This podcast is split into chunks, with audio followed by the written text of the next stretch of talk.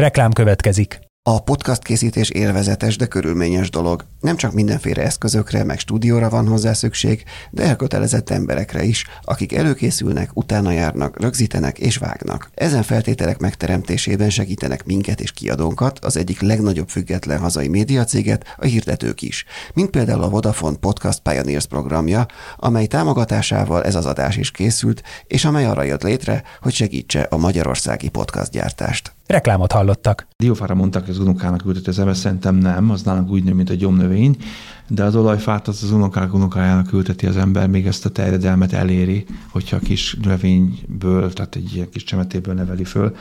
De micsoda előny ez mondjuk a Kordoba környékén, ahol, ahol 10 kilométer számot a um, őségi ültetvények, amit valaki már megcsinált, és az valaki megörökli, tehát úgy bizniszmodell.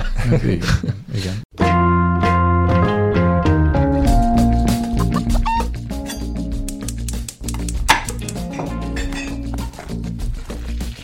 Ez a Filéző, a 24.hu podcastja a magyar gasztronómia úttörőiről.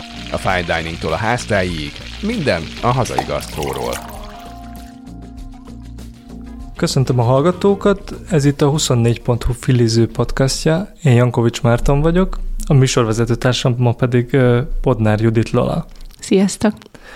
A vendégeink pedig egyrészt Török Csaba, a két hektár borászat alapítója, tulajdonosa, borásza, illetve Tóth Gusztáv, az igazi oliva szaküzlet és webkereskedés alapító tulajdonosa. És uh, hogy jön össze a bor és az olívaolaj? Most egy ilyen magyar gasztrotörténeti mérföldkő apropóján találkozunk, és jöttek össze a vendégeink, hogy elkészült és kereskedelmi forgalomba is kerülhetett az első magyar olívaolaj. És a kérdésem az lenne, hogy milyen hosszú történet eredménye ez, és mit jelent ez a uh, magyar olívaolaj készítés szempontjából most akkor hirtelen már nagyhatal, oliva nagyhatalmi pozícióra törhetünk ezek után, hogy kiderült, hogy lehet ilyet csinálni? Sziasztok, de Csabi, te vagy az első. Ja, hát, a dicsőség, átadom a, átadom a szót, ez teljesen egyértelmű, hogy te fogsz itt most Hát elégni. A kérdésre a válasz, ugye a végén kezdve, hogy szerintem nem. Szülemben is éppen arról beszélgettünk, amíg nem volt itt mindenki, hogy olyan, mintha egy ilyen zöld lámpát kapott volna ez az egész, és mostantól mindenkinek mindent lehet, és minden rendben van, mint egy igazolás, de azért ez messze nem így van, és szerintem azt tudja legjobban, én az egyik ilyen, aki azért elég sok energia és véráldozattal jutott addig a pontig. Hát az első nagyobb ültetésünk az gyakorlatilag megsemmisült, és az emberek hajlamosak azt hinni, hogy ha volt egy-két enyhetelünk, akkor így a média által is súkolva, meg a globális felmelegedés, meg olyan nagy veszély van, de nekünk ez jó, mert itt viszont legalább meleg. Ez, ez elintézte ezt a kérdést, de az, szerintem a történelem, vagy a, a, föld, a föld történeleme az nem így működik, nem egy-két évről szól, hanem a tendenciák mellett is a kilengések azok viszont veszélyeztetik azt, hogy ezt így biztonságos üzemnek lehessen tekinteni. És a részedről akkor, amikor ezt elkezdted, nem tudom, nagyjából tíz év távlatáról beszélünk? 13-4, igen. 13-4, akkor ezt te egy ilyen extrém sportnak szántad már, mint egy ilyen extrém kihívásnak, mert, mert akkor most, ahogy mondod, ez itt, itt annyira nem adja magát, tehát hogy te itt feszegetni akartál valamiféle határokat? Hát ugyanúgy, mint a borászatban, így lassan ö, kerültem az egészbe bele. Az első kis oliváimat igazából mindjárt 2005 környékén ültettem. Spanyolországban élő ismerősömtől kaptam három icipici olajfácskát, és hát akkor már ne tartsuk a cserébe, ültessük ki, ott az a birtok, virágok mellett letettük, és ez elfogyott. Első évben elfogyott, a második évben elfogyott, a harmadik évben azért ott többször elfogyni, mert egyébként gyökér közegből ez kihajt újra, vagy sokszor kihajtanak ezek a fák, óriási életerő van bennük ezekből a fákból egy a mai napig is él. És akkor hát igazából oda kell visszakanyarodnom, és az olivákért nem akarok feltétlenül borászatról beszélni, de ugye én a Balaton felvidéken olyan helyen kezdtem el borászkodni, és ö, olyan fajtákkal, amit ott be kell bizonyítani, hogy működőképes. És ezek kékszőlők voltak, vörösbortadó fajták, és ezen belül is volt egy olyan fajta, amit én hoztam be Magyarországra, egy nagyon régi származású, mediterránumból származó dolog, egészen pontosan Toszkánából, ezt Sangiovese-nek hívják. És akkor adódott a kérdés sokak számára, hogy hogy hát itt, ahol csak fehér, úgymond csak fehér bor termeszthető, akkor egyáltalán valaki kékszőlővel foglalkozik, ráadásul még olyannal, ami tőlük sokkal délebbre van, és akkor így ilyen zavar voltam szerintem mindennel a, a képletben, tehát egy jobbak mondani, majdnem, hogy nem vagyok, mert akkor nem kell gondolkodni, vagy nem kell újra gondolni a dolgokat. És ez az olivácskák, ahogy így megmaradtak, akkor úgy éreztem, hogy nekem ez egy ilyen támogatás abban, hogyha ezek a fák élnek, és a természetes közegük az ugyanaz, mint azok a szőlőfajták, amelyeket én részben én, de egyébként Magyarországon másút még tőlünk sokkal északabbra is termesztenek, de én is elkezdtem itt termeszteni, akkor, akkor ez vagy kéz a kézben jár, és akkor ez működik. Akkor nézzük meg, hogy mik a mai éghajlati lehetőségek igazából, mert az emberek egyrészt ugye azt látottam az előbb, hogy hirtelen zöld lámpát kapnak és változtatnak, de egyébként nem túl kritikusak a mindennapokban, és nem gondolják át azt, ami, ami körülveszi őket újból és újból, mert talán az egyszerűbb. Most vannak növények, és nem akarom elragadni a szót a Guszti elől is, mert szerintem sokat hozzá fog tudni tenni, de vannak növények, ami nem tesszük fel a kérdést, hogy, hogy most visszatérve az olivákra, hogy miért van ez itt, tehát 40 éve itt van a füge, tehát hogy már lassan minden, minden panelház van egy bokor, nem? Tehát emlékszem, amikor az olaszok hozzám eljöttek először, és látták azt a rengeteg mandulafát, akkor mondták, hogy hát nem értik, hogy én mit rugózok ezen az olajfán, náluk a mandula fagy ki. Tehát olyan, nyilván nem mindegy, hogy melyik fajta, meg, meg, meg, de ez azt mutatja, hogy, hogy hogy a világ egy kicsit összetettebb, meg nem, nem, nem pont úgy van, ahogy, ahogy eddig láttuk feltétlenül.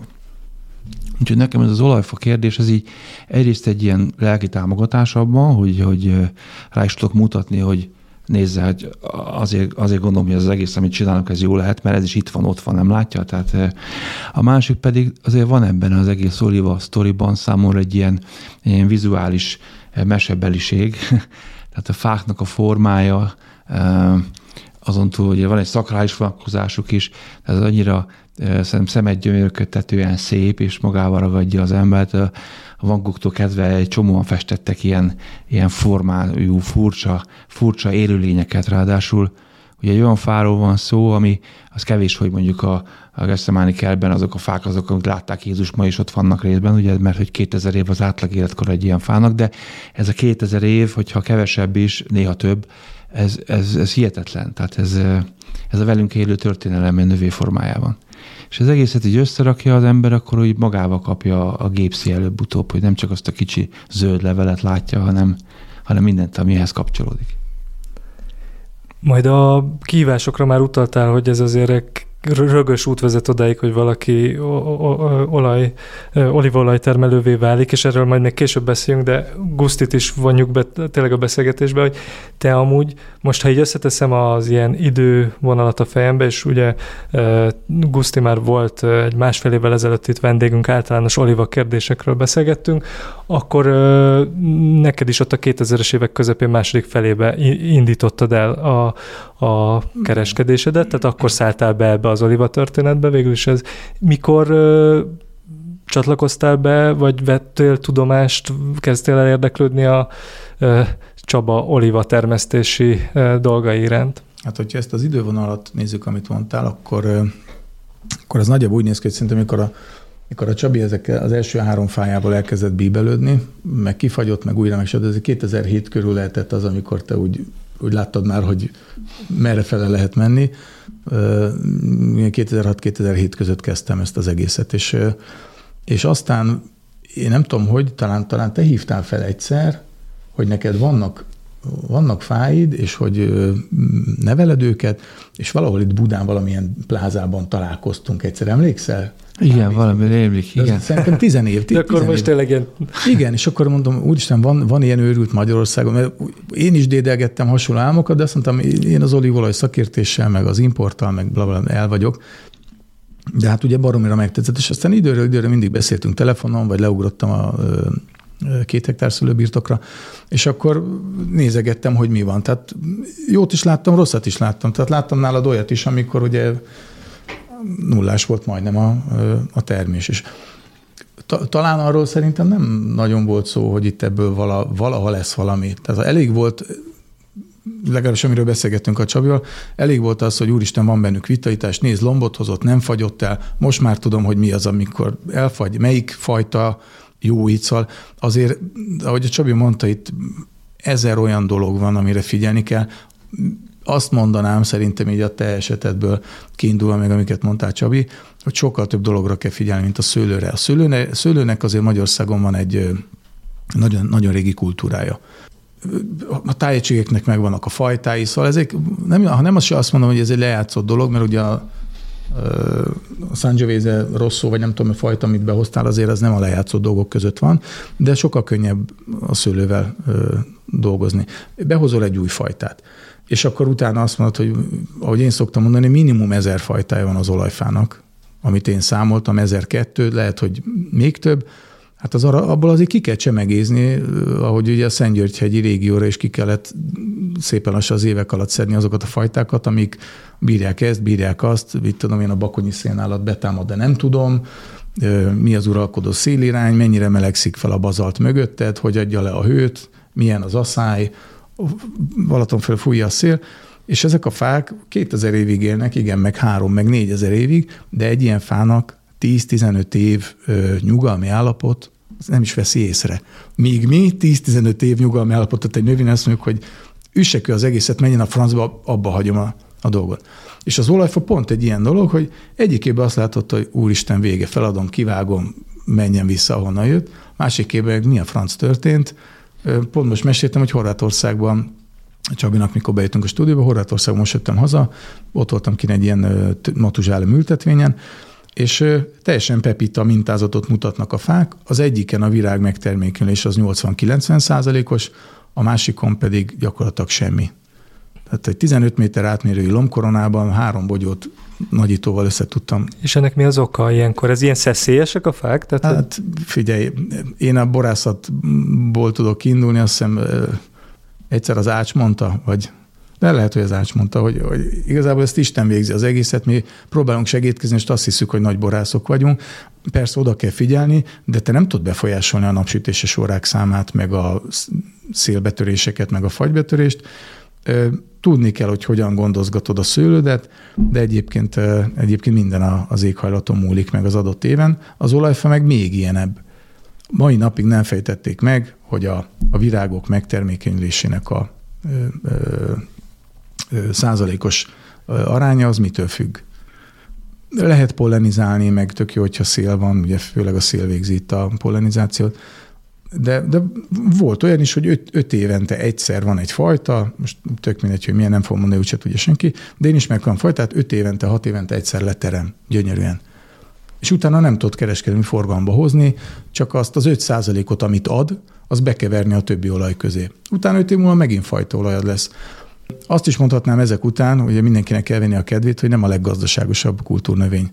Ez akkor jó, hogyha tényleg megfeleled a helyét, nagy tömegbe tudod ültetni, valóban értesz már hozzá mondjuk több generáció után, és akkor egy ilyen megbízható megélhetést, bíbelődést tud hozni. Hát azért idáig eljutni, az egy hosszú kísérletezés hosszú kísérlet, én pont akkor azért lepődtem meg azon, hogy most már írhatjuk azt, hogy van első magyar olívaolaj, mert azért itt egy, mondjuk egy bő évtized volt, vagy még, hát nem, több, több, több, több ugye? Most már lassan két évtized, de jutottunk idáig.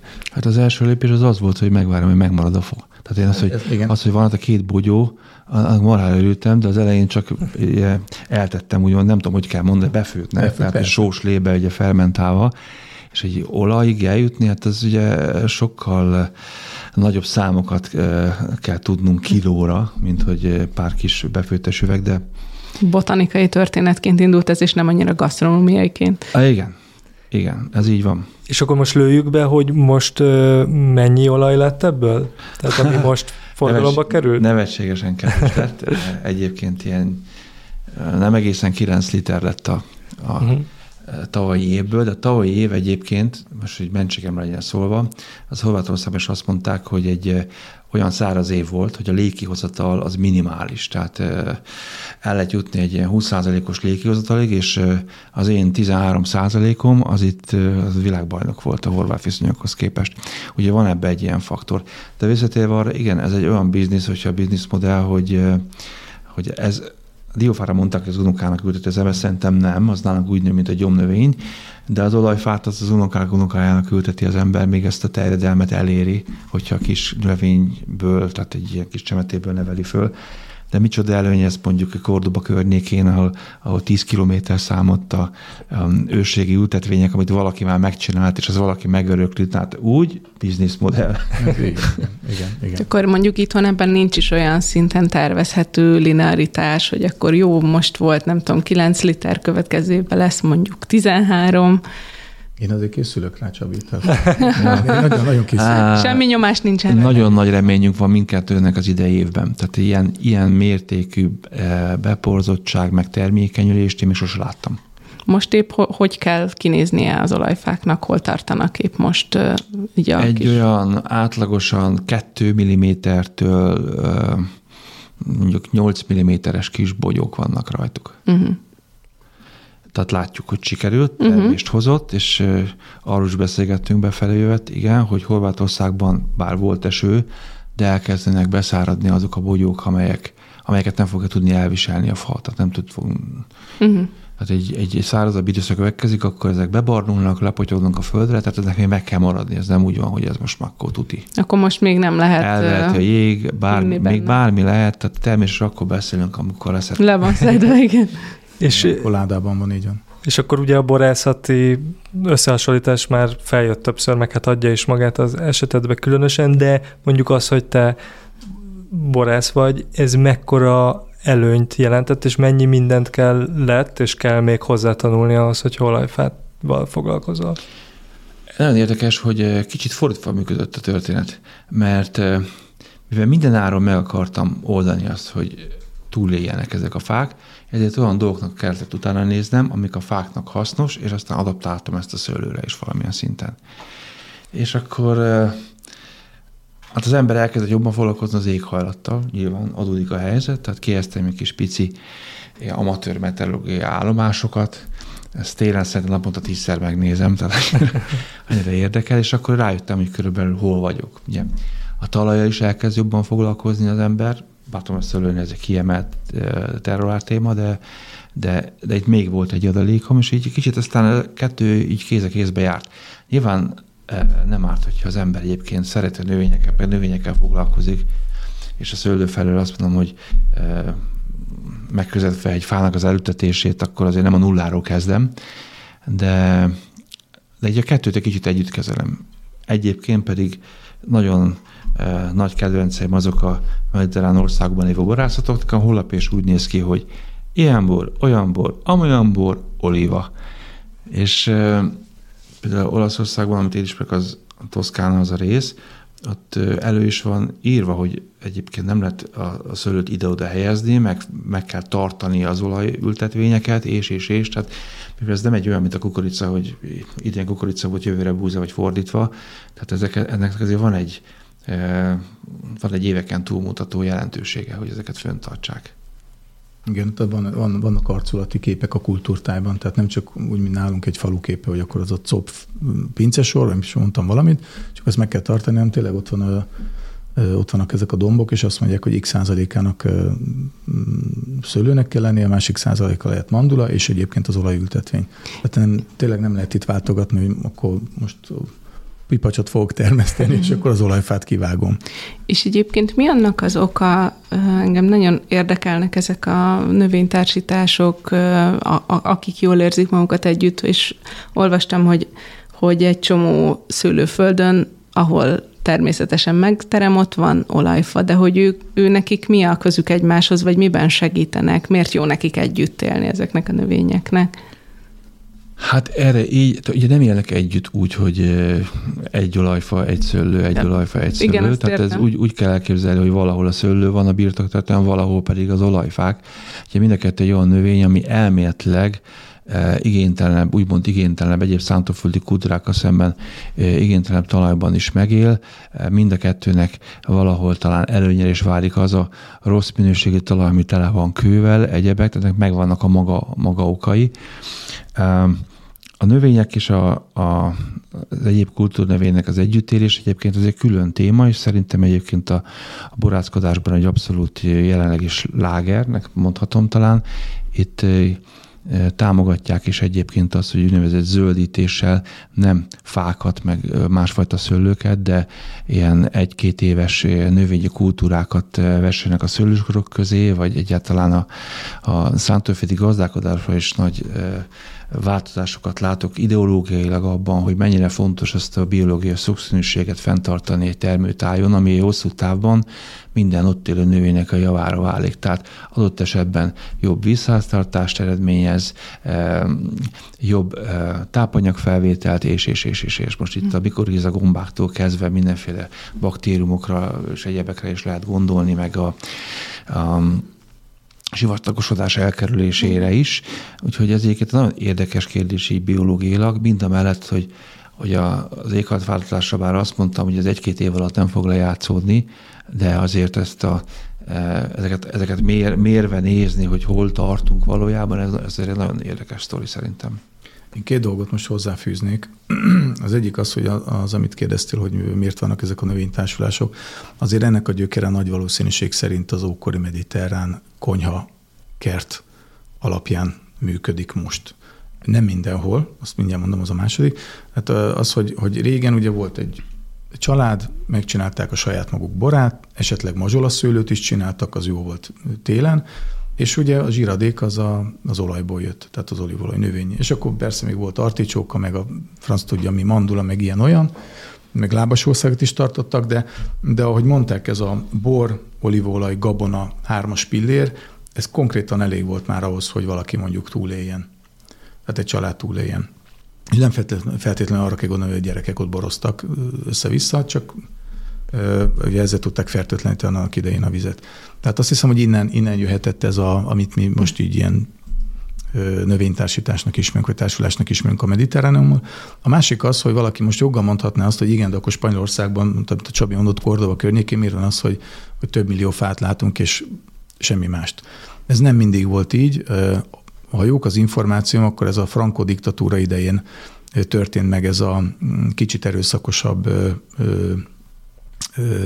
hogy szokták mondani, régiós növény összehúzás, mert oda ment a vezérkar, és akkor azt mondta Franco, hogy jó, akkor Andalúzia lesz az oliva olaj hazája, Valencia a narancsé, Castilla-La Mancha a boré, meg talán mit Navarra, és akkor így szép, és akkor mondta, itt lesz a sonka, ott lesz a stb., és akkor berendezkedik Spanyolország egy ilyen kommunista önellátásra, vagy a francia fasiszta önellátásra, teljesen mindegy.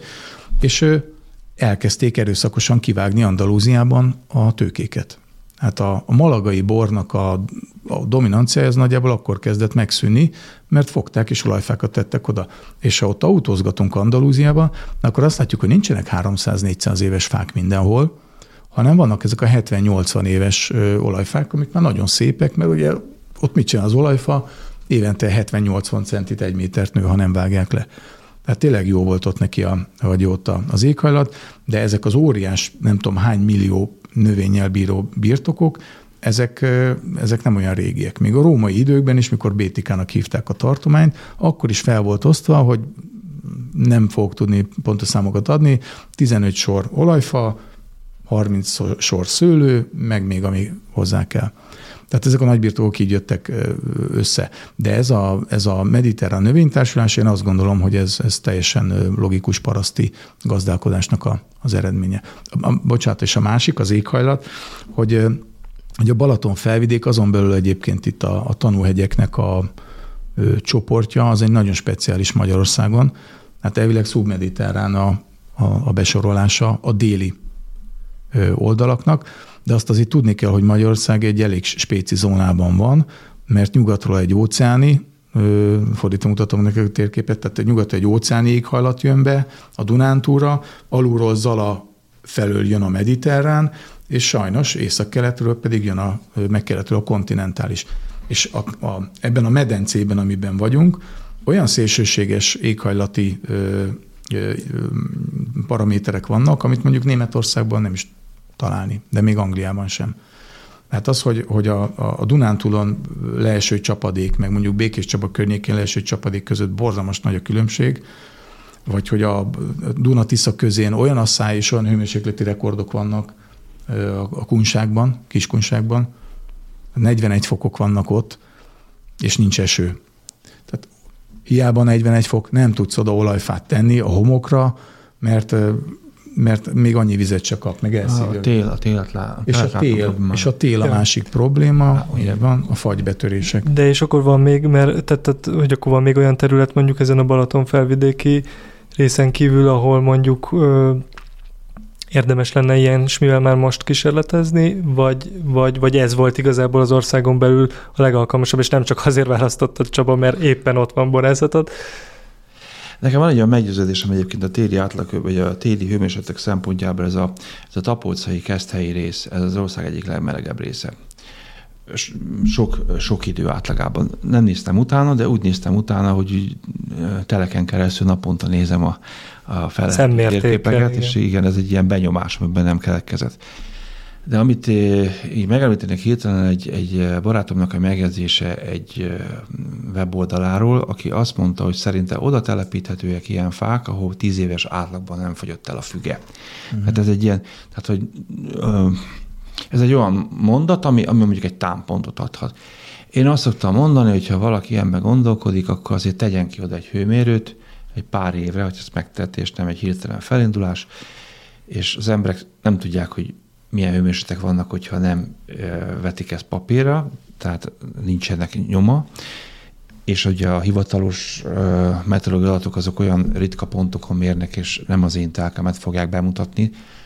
Úgyhogy meg kell nézni, én 15 fokot így többekkel beszélgetve, mínusz 15 fokot azt határozónának látom. Tehát, hogyha mínusz 15 fokot eléri a hőmérséklet egy-két órán túl, akkor, akkor én, az én személyes tapasztalat alapján ott már roncsolódások vannak, mindenfajta fám, ott a túlélés a kérdés. És akkor már mondjuk így vissza sem nő, mint amit Ott az a kérdés, hogy mennyi ideig értük el ezt a hőmérsékletet.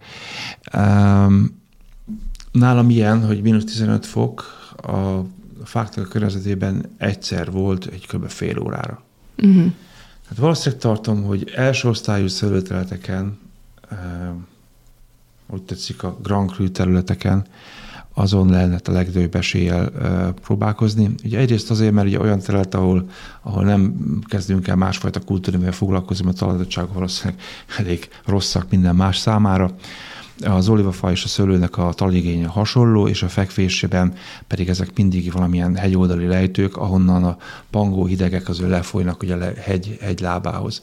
Hát ezt mérjük, mérjük meg, tehát ne szúrja ki senki magával, mert túl sok pénzt elkölt. Ha valaki hogy még el szoktam mondani, egy fát szeretne megóvni, az mindenhogyan megóvja, mert legfeljebb épít fölé egy házat, aztán e, berak egy e, fűtőtestet, vagy bármit, amit akar. E, itt az a kérdés, hogy hol él meg magára hagyva, és esetleg nem egy fára vigyázva, hanem picit több fa. Szerintem ezek szempontok. És említetted, hogy látsz ilyen divatot, aminek, hogy, hogy most akkor hirtelen mindenki, vagy nem mindenki, de sokan akarnak olajfát maguknak, és ennek nem feltétlenül csak pozitív hozadékai vannak. Hát igen. Én egyrészt ennek örülök, másrészt meg nem örülök. Szerintem sokan fognak pórul járni mert nincs meg az a kellő tapasztalat, hogy milyen fát ültessen az emberek számára az olajfa az olajfa. Tehát ők nem tudják, hogy van különbség egyáltalán. Tehát kertészebe megyünk általában akkor csak az van rá, hogy európai olajfa, a mhm. fajtát már nem jelölik meg, úgyhogy nem tudják, hogy mi az, amit Igen, ez a Guszti által korábban említett 1000-1200 fajta, ez azért olyan riasztó számnak hangzik ez, így. Az nem hülyeség. Tehát Igen. teljesen más fa van belül Iránban, a hegyek mögött, nem is tudunk róla egyébként, majd nem nagyon ki információ. Más fajták vannak a Gardatónál, ahol ugye egy mediterrán alpesi régió találkozik, és egy lépcsőzetes teraszos művelésnél egy légtömeg találkozásnál vannak a fák. Teljesen mások vannak Spanyolországban, ahol most már kijelenthetjük, hogy néha szaharai környezet van. És valószínűleg a, a, a Csabinál is, ugye nem tudom hány fával zsonglőr, zsonglőrköz, de, de ugye több hát náció, most kell mondanom Franciaországot, meg ilyeneket, de régen nem volt ilyen. Tehát ugye a mediterránok több részéből vannak fajták ott a, a Szentgyörgyhegyen, és ahogy beszélgettünk, teljesen kiugró különbségek vannak Akár évről évre is, ugye, a évről évre is, meg, meg hogyha hosszan nézed a, a fák fejlődését. És a, most itt meg, be kell hoznom egy másik nevet, pont azzal a régiós kérdése kapcsolatban, hogy hol lehet még.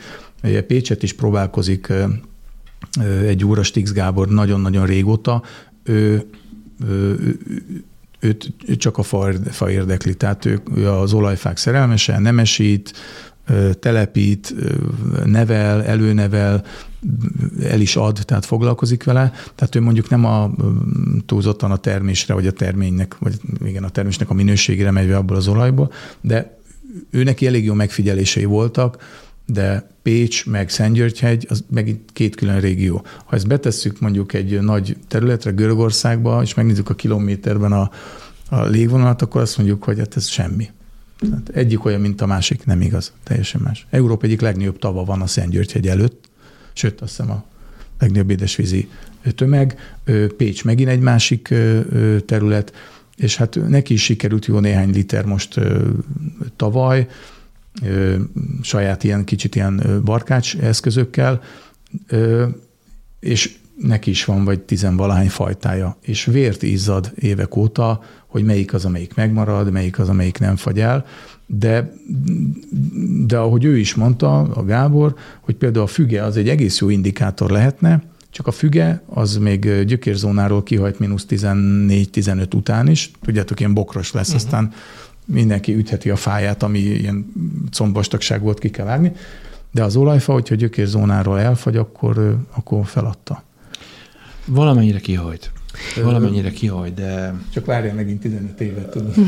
Jobb Nekem így, így alakult ki az egyik egészen szép kis fám, de a fügének az ugyanilyen jellegű tulajdonságai azok azért sokkal hatékonyabbak. Hát a, nagyobb benne a vitalitás. Igen, így az, az olajfa, azért tegyük hozzá, és a Gábor az ebbe módosította a korábbi elképzelés. Olajfa az egy bokor, nincs egy fa. Uh-huh. Hát azt az emberek metszik fának, hogy könnyebben tudják kezelni a későbbiekben és valóban, hogyha bokorként hagynánk meg, akkor az önmagát egy más mikroklimával látja el, és jobban megmaradt, csak nem olyan tetszetős. Uh-huh. Meg nehezebb talán a művelés, abszolút. Ennek a divatnak, amit említesz, ennek az az oka, hogy nem tudom, meglátták azt, hogy az izgalmas olívaolajra kereslet lett, ebbe pénz van, tehát ő, ez, ez a fellendülés, ez most annak szól, hogy az emberek olivázni akarnak, és pénzt csinálni belőle, vagy, vagy minek? Uh, Szerintem én egy kicsit úgy érzem, mint hogyha egy szelepet kiengedtek volna egyébként az utóbbi években. De Ott a, a, um, mert ez inkább az. Szerintem az olajfák iránt nagyon sokan érdeklődtek. Én említettem ettek a riport előtt, hogy minden héten felhívnak legalább egy vagy többen, hogy akkor ő vett egy olajfát, hogy ezt akarja, azt akarja, azt akar, hogy akkor mit csinálja, hogy az így működjön. Tehát szerintem az emberekben volt talán utazási élményeik alapján is egy olyan vágy, hogy nekik legyen egy ilyen kis fácskájuk, és akkor most úgy érzik, hogy talán kiültethetik. De most tényleg a környékünkön azt mondom, a helyi kertészet is, meg mások is mindenféle e, importban e, brutális mennyiségű fát adnak el, tehát gyorsuló mennyiségben. Én ezt akartam, hogy megnőtt a kertészetekben az olajfáknak a, a e, Igen, és e, Hát remélem, hogy ebből nem lesz túl nagy csalódás, mert nem lesz semmilyen baj, meg hogy De milyen a baj? növénybetegségek sem ja, fognak növénybetegségek importálódni. Nem, nem beszéltünk róla egyébként a a klasszikus olajtermő régiókat, az fenyegeti egy nagyon durva betegség, ez az a nevük, hogy az a neve, hogy Xylella fastidiosa, ami egy baktérium, ez látja a növénynek a nepkeringését, és egyik pillanatra a másikra kiszárad a fa, nincs ellenszere, úgyhogy vannak ilyen szomorú régiók, ahol 9 kilométereket lehet autózni, úgyhogy kiszáradt olajfák mellett autózunk. Púliában például Szomorú sok ilyet láttam igen. idén, igen, meg tavaly is. Meg szociális problémák. Úgyhogy ezt, ezt könnyű importálni, bármilyen betegséget könnyű importálni. A szőlőbe is nagyon sok betegséget importáltuk más növényekről. Egyébként ez a betegség sem csak megáll, nem, nem áll meg feltétlenül csak az olajfáknál, szőlőre is átterjedhet. Úgyhogy ezzel a nagy növénykereskedelemmel, meg pillanatok alatt ide viszünk, amoda viszünk mindenféle kórokozót, ennek azért van egy, van egy ilyen vetülete is, remélem nem lesz belőle gond, nem és, tudok. És ennek nincs valamilyen ellenőrző hatósága, hogy van elméletileg behozott fák? Van elméletileg egy növényútlevél, de például ez a baktérium, amiről beszélek, ez másfél év után lesz, addig tünetmentes.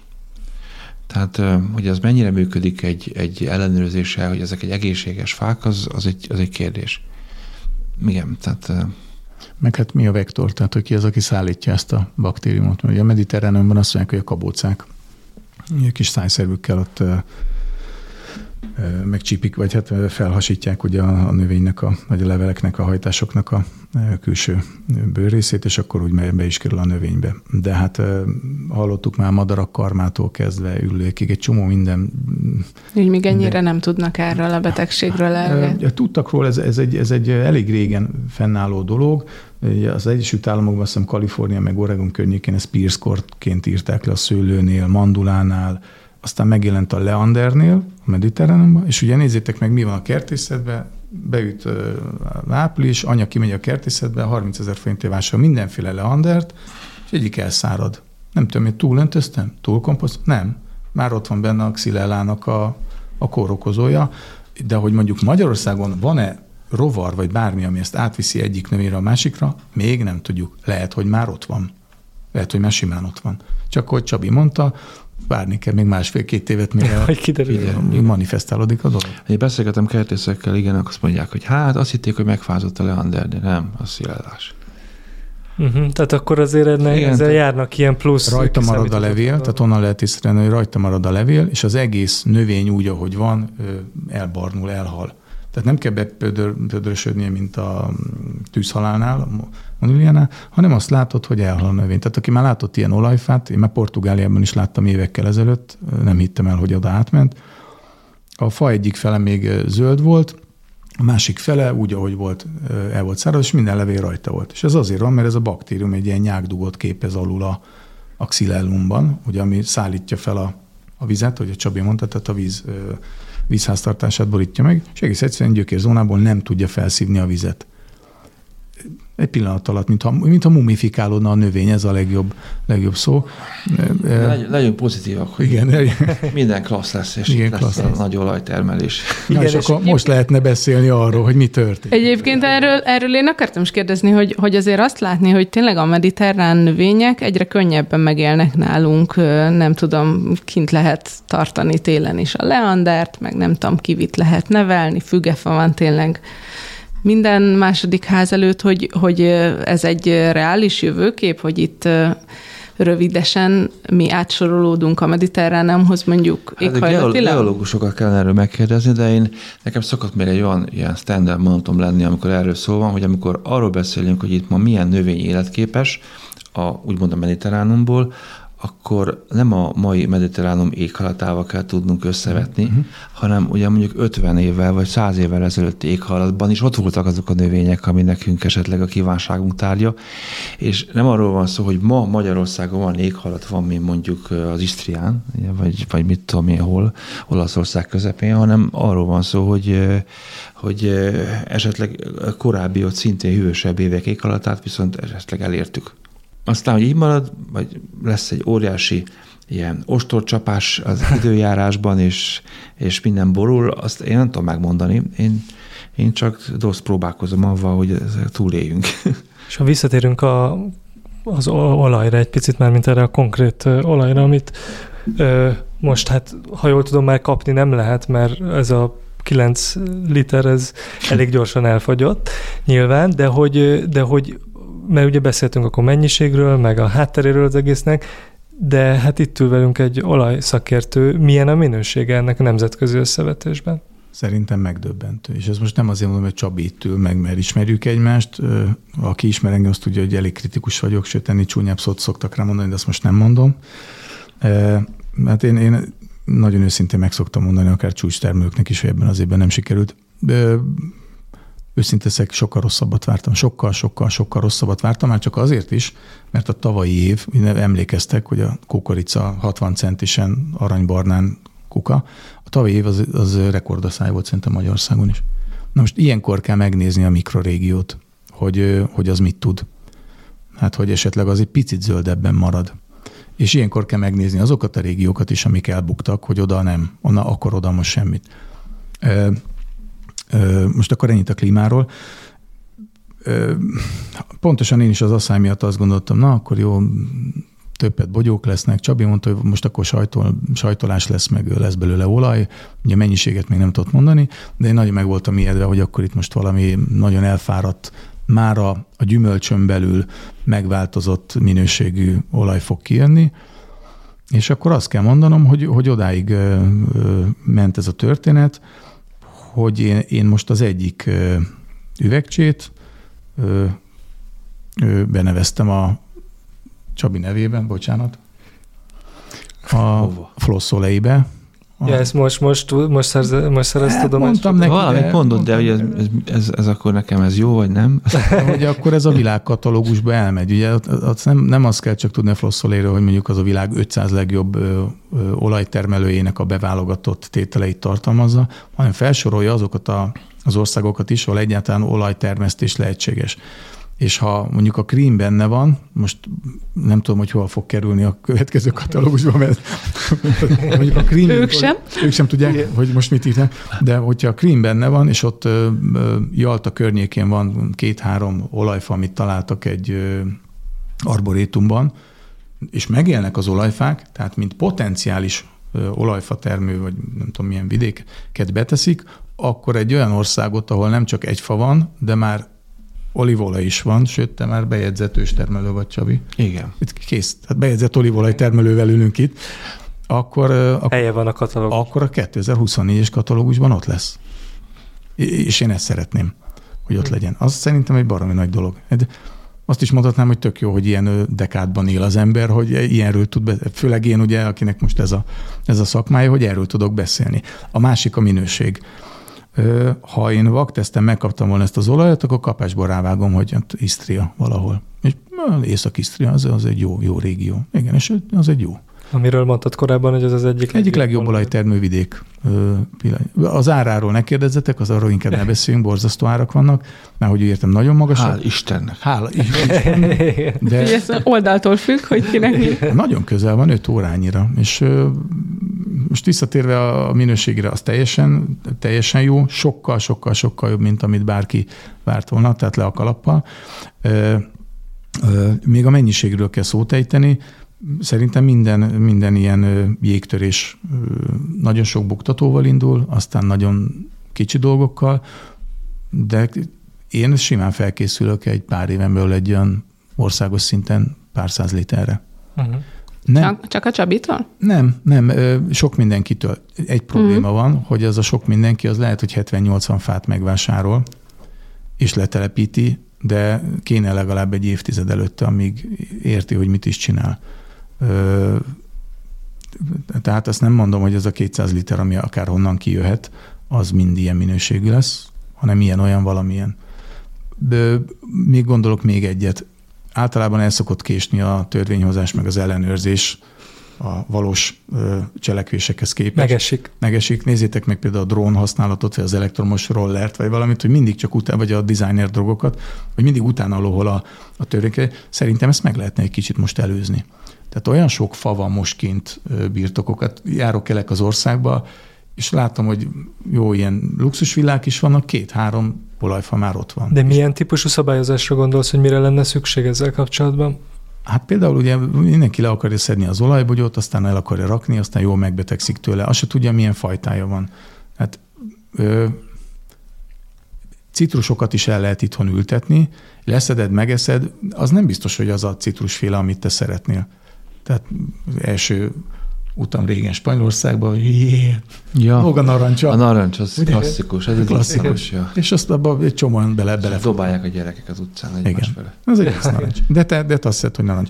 Tehát azt gondolom, hogy, hogy sok, sok problémát, meg ahogy a mondta, sok fájdalmat, meg porújárás meg lehetne esetleg előzni egy nagyon pici, odafigyel, pici odafigyeléssel. Ez akár lehet egyébként egy fórum valamelyik social media felületen, hogy gyerekek erre figyeljetek, erre vigyázzatok, írd be, hogy milyen fád van, van-e növényútlevele, ezek tényleg fontosak, mert ha van, és mégis behoz egy betegséget, akkor már lehet fordulni az Unió akármelyik szervéhez, hogy figyeljetek, kapott egy útlevet, aztán behozott három kort, akkor nézzetek oda.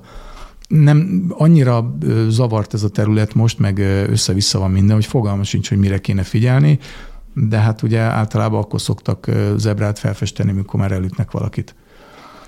De halálos balesetben nem lesz, hogy ú, megittem a saját olívolajmat és meghaltam.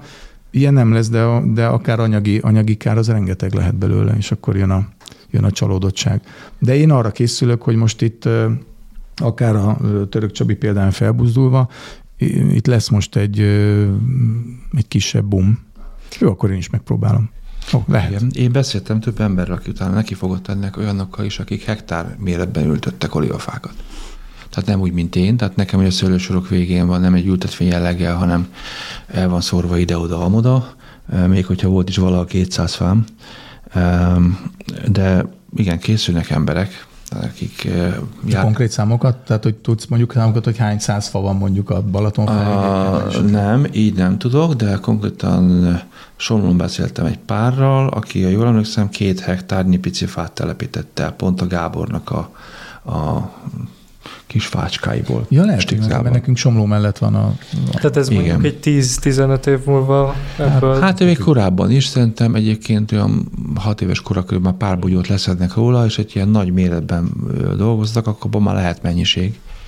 Az a mennyiség, amit nálad létrejött, ez a 9 liter, ez mennyi, nem tudom, hány fa, az hány kiló bogyó, ilyenek? Nem, ugye mivel vannak 5 éves fák is, meg vannak uh-huh. 400 éves is, tehát a, nem tudok ilyen standard számokat mondani. Tankönyvi példák alapján egy felnőtt fának mondjuk 20 kg terméséből várható maximum 20%-nyi olaj, tehát uh-huh. így, így lehet számolni. Uh-huh. Ez egy ilyen ökölszabály jellegű, ezt lehet egy kicsit módosítani ide-oda nyilván milyen fa, meg milyen, uh, milyen bogyó, milyen évjárat. Um, azt is el kell mondanom, hogy hirtelen nem tudom, miért beszélek ilyen nem szép dolgokról, de hogy az új ültetvények például Spanyolországban azok nem úgy vannak ilyen szép formában, mint régen elültetve, hanem kordonra húzzák, mint a szőlőt, ott mm. könnyebb szüretelni is, aki tényleg csak a mennyiségre mennek. Nekem ez mondjuk nem tetszik. Um, Szóval visszatérve az én számaimra, remélem idén sokkal nagyobb számot fog tudni mutatni, mert a kisfák is nőnek, meg nagyon jó évnek ígérkezik. Azt remélem, hogy nem az vagy, mire hazamegyek, jég elvert az összeset, tehát ezt nem lehet tudni és hát nálam az dobott egyébként a kicsi mennyiségen is tudod, hogy nem magam próbáltam, mint a Gábor kinyomkodni, uh-huh. hanem ugye az, az olíva bogyónak a termésének a feldolgozás nem azonos a tök mag, meg a többi ilyen magolajéval. Itt a húst és a magot összeörlik egybe, és egy masszát préselnek kis perces berendezésekkel. Én fogtam magam, és elmentem Szlovéniába. Elvittem autóval a termést, és egy óra alatt elkészítették, és akkor boldogan elvittem. Szerintem ez a, ez a járható megoldás. Alasz, akkor lesz itt először gondolom feldolgozás is, amikor ezek a mindenféle újabb kezdeményezések rajtam túl, ezek eljutnak egy olyan szintig, hogy érdemes egy ilyet. Igen, ezt akartam is kérdezni, hogy, hogy, hogy mi, mi, mi lehet az a pont, amikor mondjuk már a feldolgozás is Magyarországon történik, de gondolom ez ilyen nagyon tőkeigényes dolog, hogy valaki hát, egy olíva feldolgozó igen, hogyha mondjuk valaki a saját pénzéből csinálja, és az ültetvénye nem elég nagy, akkor ez, ebben nincs megtérülés, mert, mert nincsen. Tehát ez egy olyan eszköz, amit használunk egy évbe pár percet. Pár percet, igen. igen. igen. Ha én, akkor csak pár percet. Hogyha én szolgáltatást tudok nyújtani mondjuk egy közösségnek valahol, ahol ez működik, majd a jövőben, akkor az más. Akkor, már akkor, akkor ugye úgy, mint, mint bárhol a világon, akkor ott sorszámot húzok, bejelentkezek, oda viszem, visszakapom.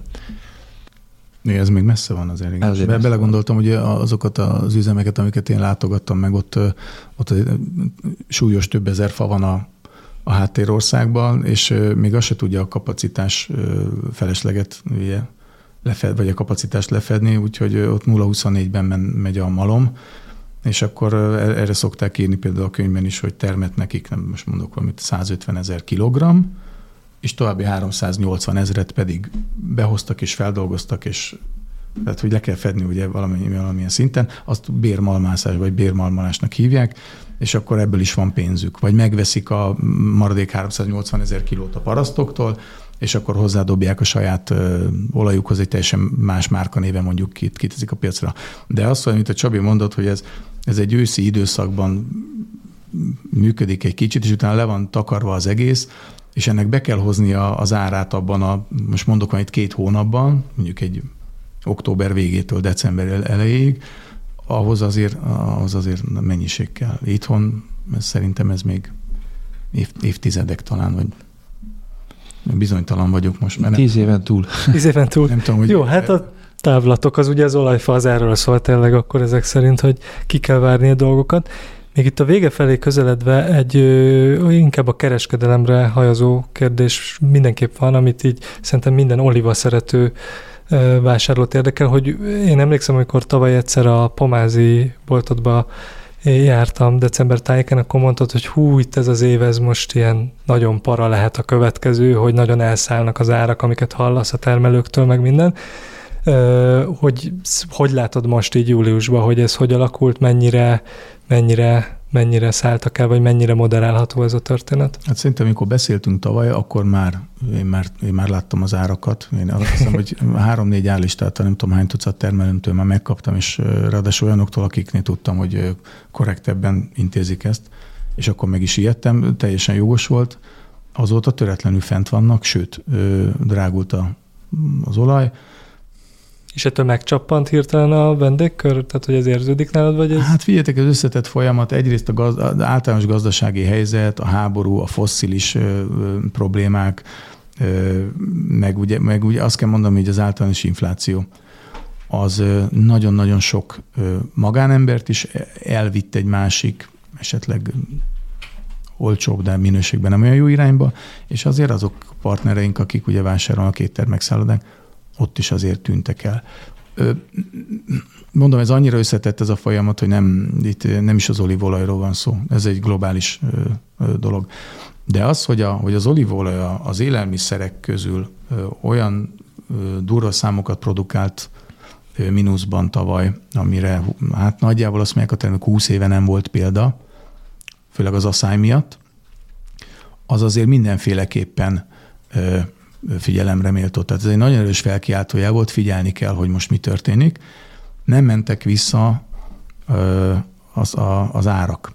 Azért nem mennek vissza az árak, mert Csabival ugye beszéltük itt az elején, hogy látjuk, hogy milyen a virágzás. Én, én most ugye egy mediterrán országba érkeztem az a múlt héten, végignéztem egy csomó fát, és ha bár tényleg az van, hogy jobb évnek ígérkezik, itt még jöhet hideg, meleg, jégeső, seregély, bármi, és most jön az európai asszály, most vagyunk a küszöbén, tehát ha tetszik, ha nem, vannak olyan területek, hogy november közepéig nem fog esni az eső. Semmi, egy csepp se. Azért tartják az árakat, mert megnézik mondjuk szeptemberben, hogy még mi az, ami, ami leszedhető. Ha azt mondják, hogy hű, erősebb ö, ö, évünk lesz, akkor mérséklődnek az árak. De van olyan portugál termelőm, akitől nem tudom, tizenhány év alatt, amióta ö, egymásra kapcsolódunk, minden évben mondtam, jó, hát akkor két havonta veszünk tőled.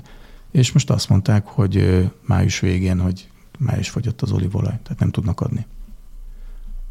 Szeptember még simán lehetett venni az előző készletből, úgyis novemberben jön az új szüret, még az utolsókat megvettük, tartályban volt, már nincsen.